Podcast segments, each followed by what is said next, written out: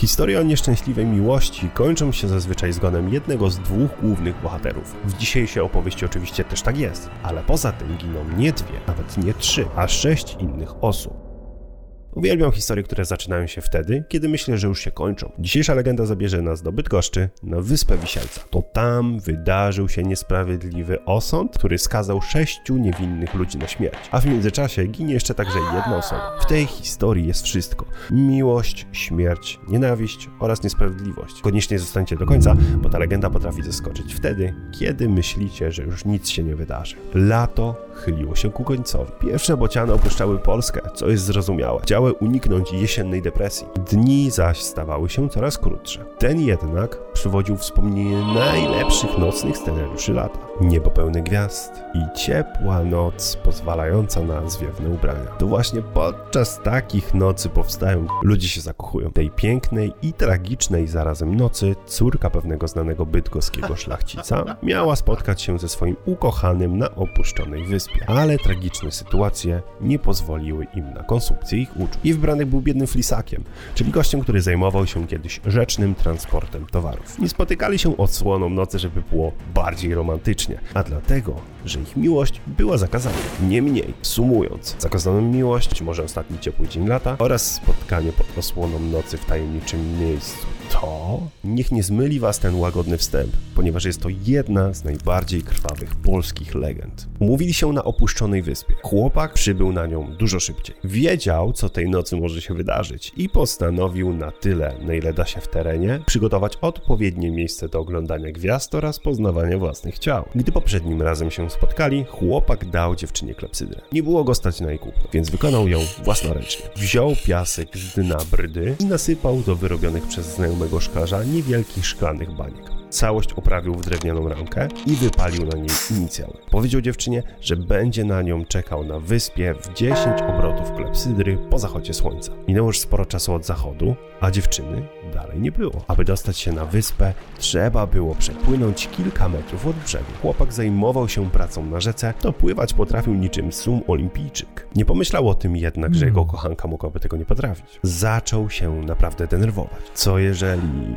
Nie, nie, nie, na pewno nie. Ojciec musiał ją zatrzymać, na bank odwaliła się jak na dożynki, on pokumał czacze, no na 100% tak było. Takimi myślami zadręczała go głowa. Dla własnego spokoju postanowił wypłynąć jednak na rzekę i zobaczyć, czy czegoś podejrzanego na nim nie ma. Gdy rozpoczął poszukiwania, w jego ręce szybko wpadła klepsydra, którą dał swojej lubej. Rozpoczął heroiczne poszukiwania. Przeszukał każdy krzak, wspinał się na drzewa, przeczesywał szuwary, jamy zwierząt, zasieki i kubki z liśćmi. Dziewczyny nigdzie jednak nie było. Chłopak zachodził w głowę, co się stało ale nie miał jednak odwagi iść do jej domu. Po kilku dniach postanowił jednak to zrobić. Obiecał sobie, że pójdzie do pracy, zrobi to, co ma zrobić, czyli przekaże transport flisakom z Gdańska i pójdzie skonfrontować się z jej ojcem. Trudno. Najwyżej dostanie od taty dziewczyny cep na łeb, ale wszystko będzie wiadomo. Kiedy płynął ze swoimi współpracownikami w Łodzi, to jeden z nich mimochodem powiedział, że tego lata jest naprawdę wyjątkowo dużo topielców, po czym wskazał palcem na taflę wody. Chłopak poderwał się i spojrzał niepewnie za łódkę.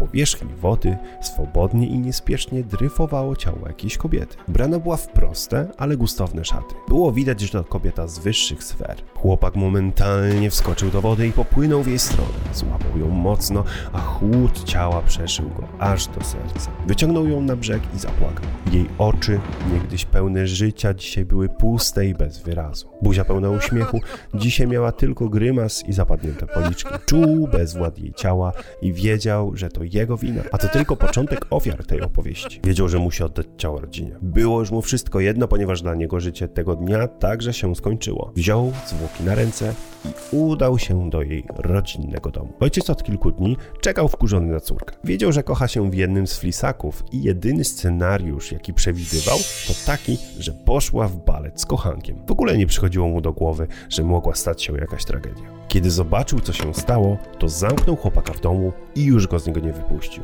Postanowił złapać wszystkich bydgoskich flisaków, Któryś z nich jest przecież na pewno tym draniem, przez którego jego córka nie żyje. Chłopaka, który przyniósł ciało, wstępnie odrzucił jako winnego, ponieważ stwierdził, że nie miałby tyle odwagi, żeby do niego przyjść. Szybko zaczął realizować swój śmiercionośny plan. Tydzień później wszyscy mieszkańcy stali przy rzece Brda. U brzegu wyspy zacumowana była tratwa, która płynęła żywym ogniem. Żywi jednak nie byli flisacy, którzy zostali skazani za kradzieże, o które posądził ich ojciec dziewczyny, a swoją wpływową pozycją przekupił sędziego do skazania chłopców na śmierć. Spoglądał na to wszystko z boku i wiedział, że pięciu z nich jest bezwinnych. Ale nie miało to dla niego znaczenia. Ciał nigdy nie zdjęto.